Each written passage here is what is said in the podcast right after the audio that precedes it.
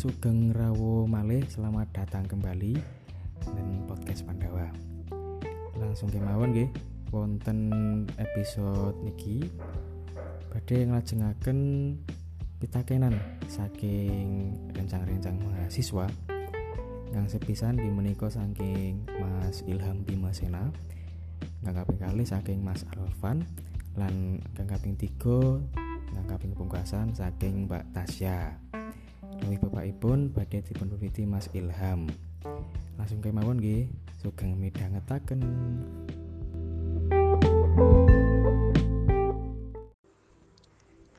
Nggih, matur nuwun Mbak Nurul. Eh, Sugeng dalu Mas Rendra dan kawan-kawan seperjuangan. Eh, mungkin dari dari saya pribadi Eh, karena saya orang awam saya baru kenal radio pustoko pun dari awal masuk sastra daerah itu pun belum sepenuhi jadi mohon pencerahannya Mas Rendra. Jadi dulu pada tahun 1890 itu kan eh, Patih dalam Sosro Diningrat 4 Eh, diberi palilah oleh Sinuun itu mendirikan pahaman radio pustoko itu. Lalu pertanyaannya, uh, ketika pahaman itu sudah berdiri, apakah pahaman itu atas milik keraton atau atas milik kepatian? Pertama yang yang pertama itu. Yang kedua, eh, pada saat ini, pada saat gejolak polemik eh, radio pustaka ini, eh, dari kacamata keraton itu bagaimana? Karena dari awal disebutkan bahwa eh, Sriwedari itu milik keraton. Lalu pada saat ini ketika ada hurek seperti ini, ada permasalahan seperti ini, dari kacamata keraton, dari Sinuwun, itu bagaimana? Lalu tindak lanjut dari pihak keraton pun bagaimana? Karena eh, berita yang sudah beredar, yang sudah ada di mana pun itu menyebutkan bahwa yang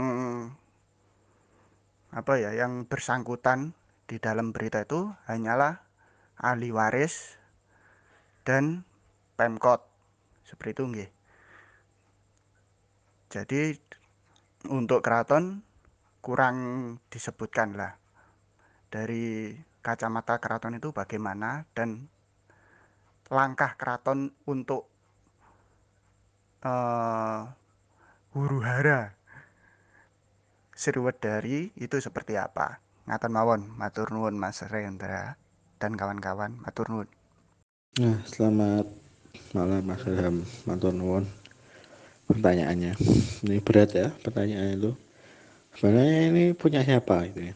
Ya memang pada waktu itu memang pemrakasannya ya penggagasnya memang Sin- Sinuwun kaping songo ya. Ya cuma yang pelaksananya memang Patih jelas ya lembaga itu lembaga negara dimiliki oleh dua dua pihak ya. Jadi memang punya punya keraton ya tetap dalam pengendali kepatihan dan melibatkan banyak orang. Tidak hanya orang-orang keraton ya. Ada banyak orang Eropa yang juga terlibat di dalamnya. Ini memang ini milik negara Nah, setelah itu memang eh, wilayah Raja Pustaka ini memang menjadi milik eh, dalam pengawasan negara ya, negara Indonesia pada waktu itu di era Soekarno misalkan. Ada beberapa arsip yang Soekarno melakukan kunjungan ya kunjungan ke Raja Pustaka dan pada waktu itu ya Pustaka itu ya dalam tidak lagi ya, tidak lagi terkait dengan Keraton Surakarta, tetapi dia eh, pahaman, pahaman yayasan berdiri berbadan hukum. Jadi dia otonom sebenarnya wilayah Raja Pustoko, bangunan dan isinya. Nah, itu sampai masa kolaps, ya, kolaps dan akhirnya diakuisisi pengelolaannya oleh dinas, ya, pengelolaannya saja, SK-nya seperti itu.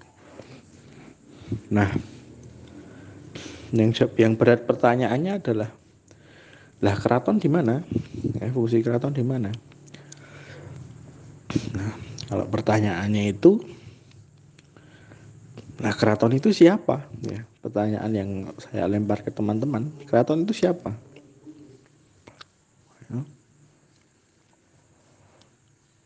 Apakah maaf ya, saya tidak tahu siapa anggota dalam grup ini semua ya, tapi saya mohon maaf gitu, jika ada yang tidak berkenan di hati. Tetapi memang keraton Solo dari tahun setelah surut dalam Pakubuwono 12 memang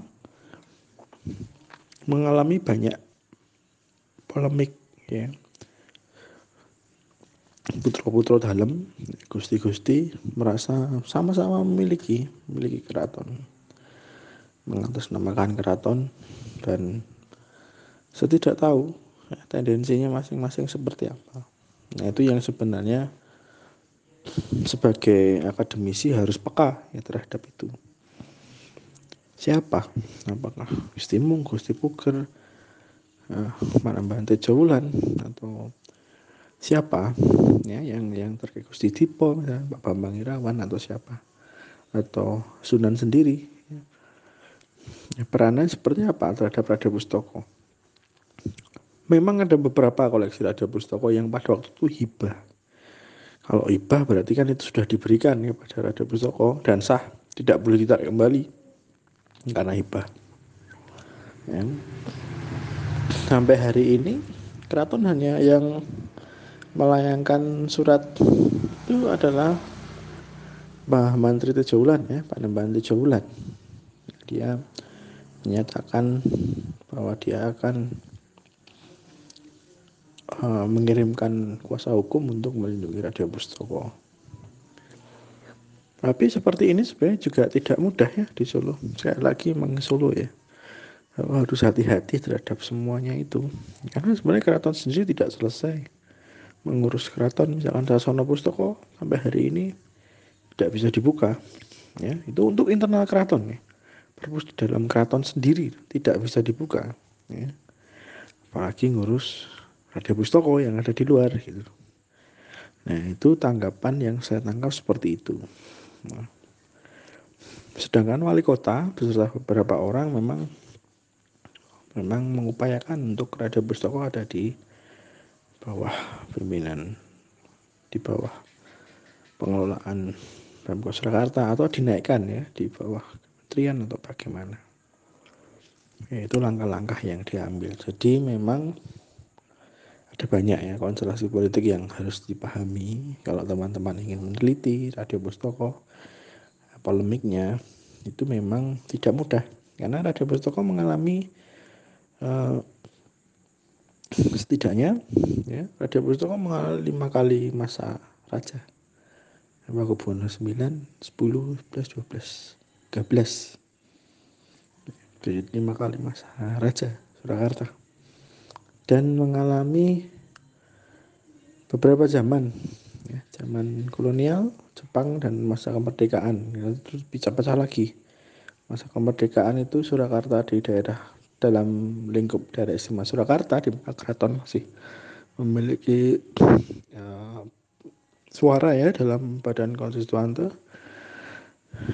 dan keraton menjadi lembaga kebudayaan yang yang merdeka saja, yang ngurusi kebudayaan saja. Dia tidak memiliki hak apa pun atas uh, wilayahnya begitu. Nah, itu sebenarnya yang perlu kita dalami bersama. Tidak bisa kita semena-mena, oh keraton siapa? Nah, oh kepatian, kepatian siapa? Ya, orangnya dulu. Ya, kita lihat tracknya ke mana. Orangnya berpihak pada siapa. kalau dia politikus politikus politikus yang mana track recordnya seperti apa ya itu yang perlu kita pelajari ya kita mengingat beberapa kali misalkan maaf ya yang sudah terbukti memang jelas kan pencurian arca Raja Pustoko ditemukan di rumahnya adik Prabowo Subianto misalkan. Ya, itu bukan hal yang mustahil terjadi dan dan terjadi gitu ya sudah sampai di sana.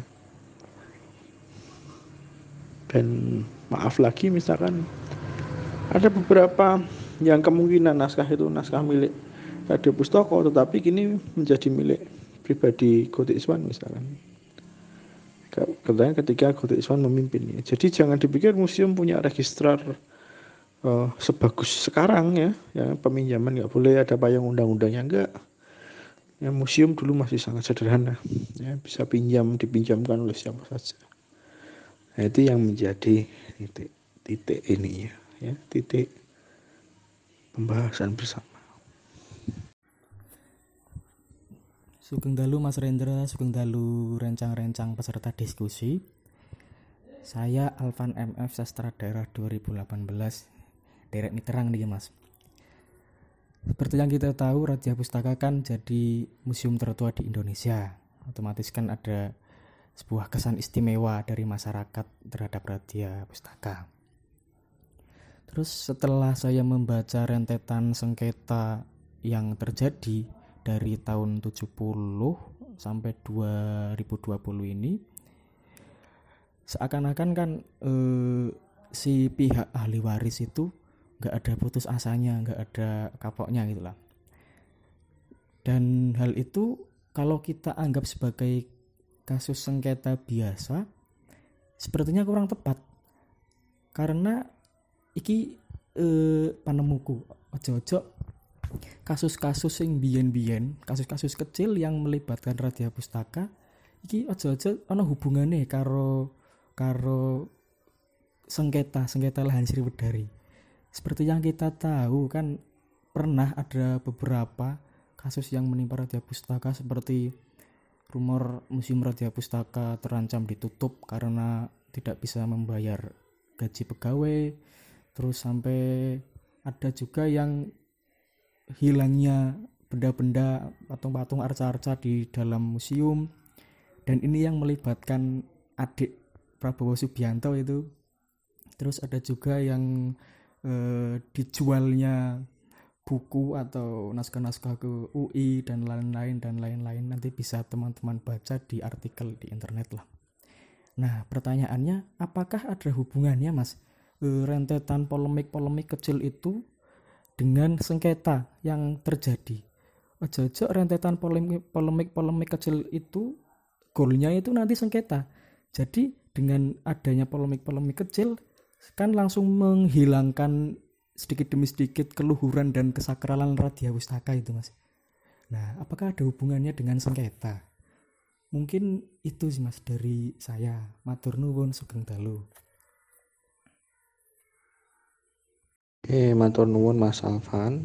Ini pertanyaannya yang semakin berat ya, semakin hot gitu. Cuma memang banyak ya kejadian saya pikir saya sendiri juga belum detail terutama kejadian-kejadian terkait terhadap Pustoko pra 65 ya dari zaman Jepang sampai 65 itu apa ya yang terjadi yang terjadi dengan Radio Pustoko kalau dianggap terkait pastinya iya karena banyak hal yang letupan-letupan itu yang melibatkan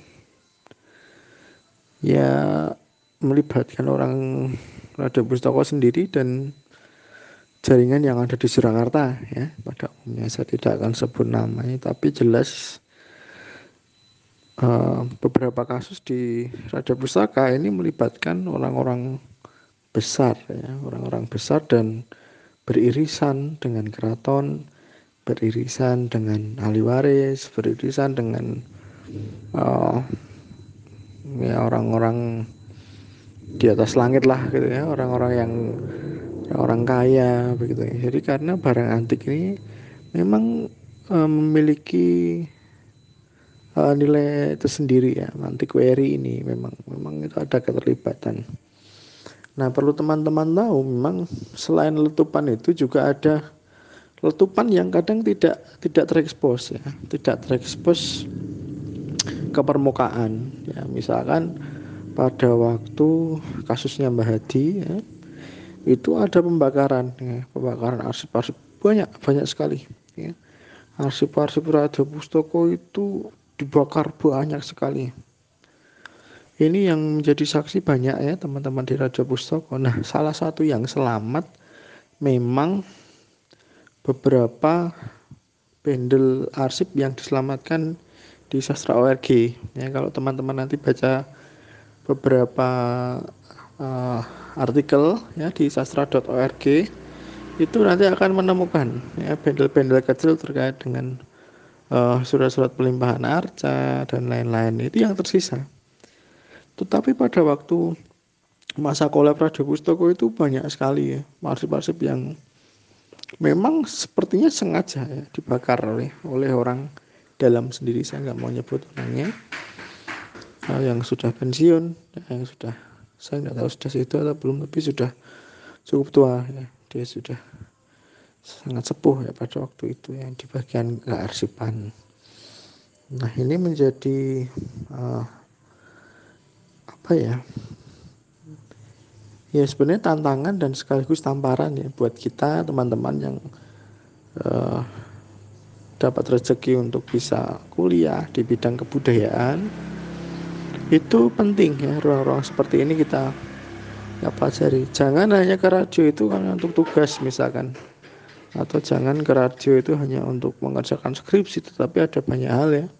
Ngurip-nguripi ya, seperti uh, ada satu kumpulan buku ya urip-urip peringatan Radio Pustoko itu di mana ada salah satu senior ya namanya Profesor Suito Santoso ya. Dia orang di Melbourne di Australia yang dia menyikapi itu menyoroti itu dari tahun 80-an bahwa Radio Pustoko itu seharusnya sudah jadi perhatian bersama ya. Tidak hanya oh, Pemkot, ahli waris dan lain-lain. Nah seolah-olah ahli waris yang menang terus ya karena memang ketika sudah adem ya memang tidak ada yang mau peduli kan? Ya, ya kayak kalau radio pustaka nggak ada pencurian siapa mau ngelirik radio pustaka? Gitu. Ini itu fakta. Fakta yang ada di lapangan itu. Saya pernah tanya salah satu senior kita ya, yang di Solo Pos uh, traffic informasi radio pustaka bagaimana mas? Ya, pada umumnya orang mengenal radio pustaka ya karena kalau nggak hilang ya cuma ada dua di radio pustaka itu wacana yang ya kalau nggak ada sesuatu yang hilang arca yang hilang koleksi yang hilang. Yang kedua cuma kalau mau ngitung weton ya ke Pak Toto di Raja Pustoko atau sebelumnya Mbah Hadi gitu ya ngitung weton gitu. Dua citra itu sampai sekarang belum hilang. Ya. dan ini menjadi sebenarnya yang menjadi uh, tamparan keras ya untuk kita bersama anak-anak ilmu budaya ya. Dan sebenarnya juga keras ya untuk dosen-dosen ya, dosen-dosen. Kok enak-enak butuh itu neng museum tapi kalau saat seperti ini ya kalian ke mana? Ya institusi pada ke mana? Ya, kampus ke mana? Gitu. Nah itu yang penting. Ya, sumbangkanlah banyak ide dari teman-teman itu. Jadi saya pikir itu terkait mas. Sangat terkait karena irisan-irisannya jelas.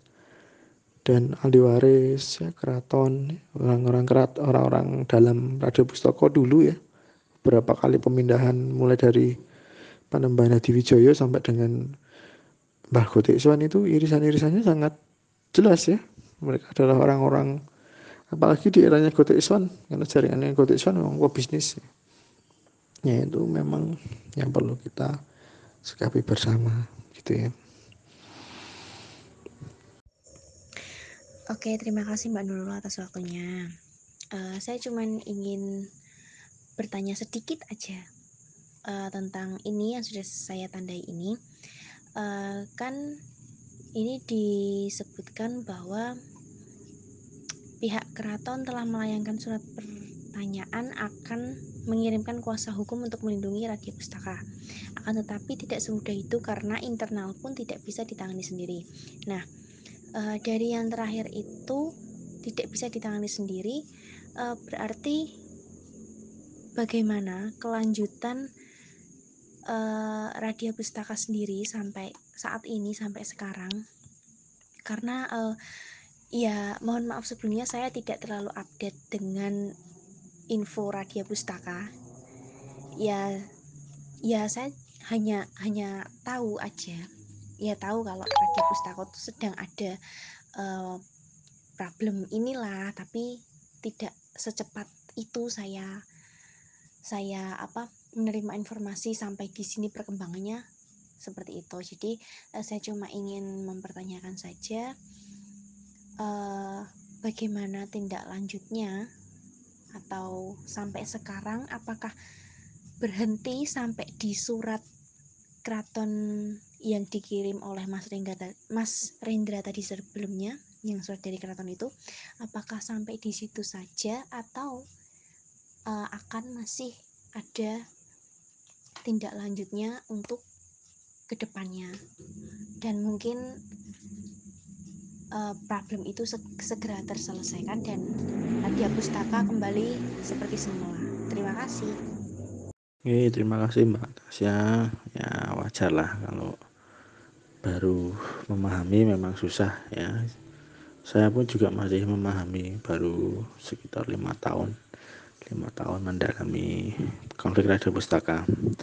Nah gini Mbak sebenarnya uh, yang saya kirim tadi itu cuma salah satu gambaran ya gambaran sebenarnya itu salah satu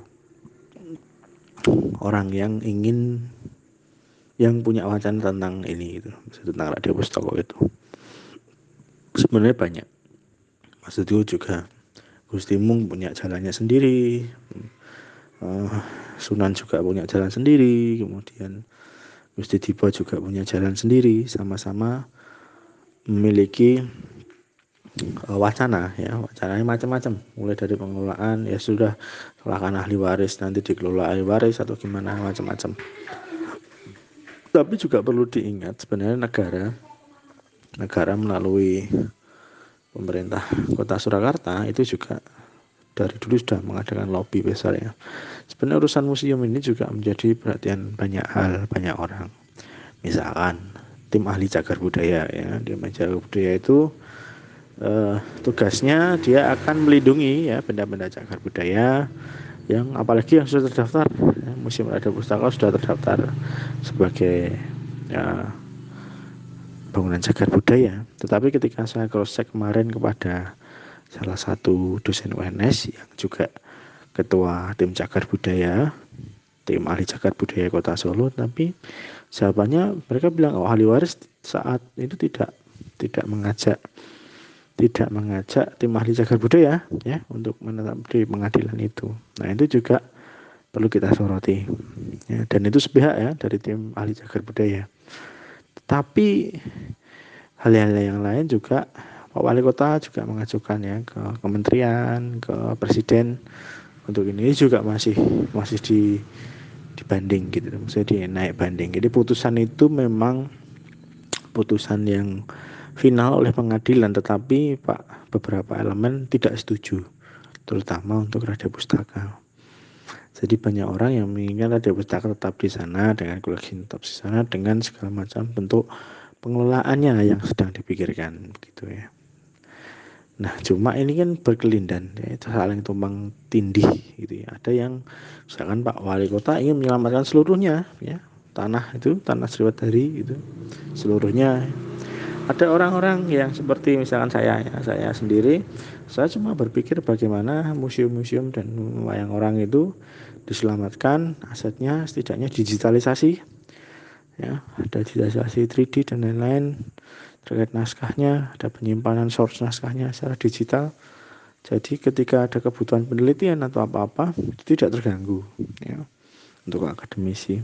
Tapi masyarakat Surakarta juga punya kebutuhan yang lain. Ya, mereka ingin museum tetap ingin tetap berdiri, tetap bisa dikunjungi sebagai ikonik gitu. Itu poinnya. Sebenarnya ada banyak elemen yang hari ini sedang berjuang untuk Sriwedari dan Radha Pustaka. Tetapi sekali lagi, ya, kita tidak tahu apa yang sebenarnya terjadi. Jadi ini yang sebenarnya kita harus sangat kritis ya di arena ini sebagai mahasiswa itu.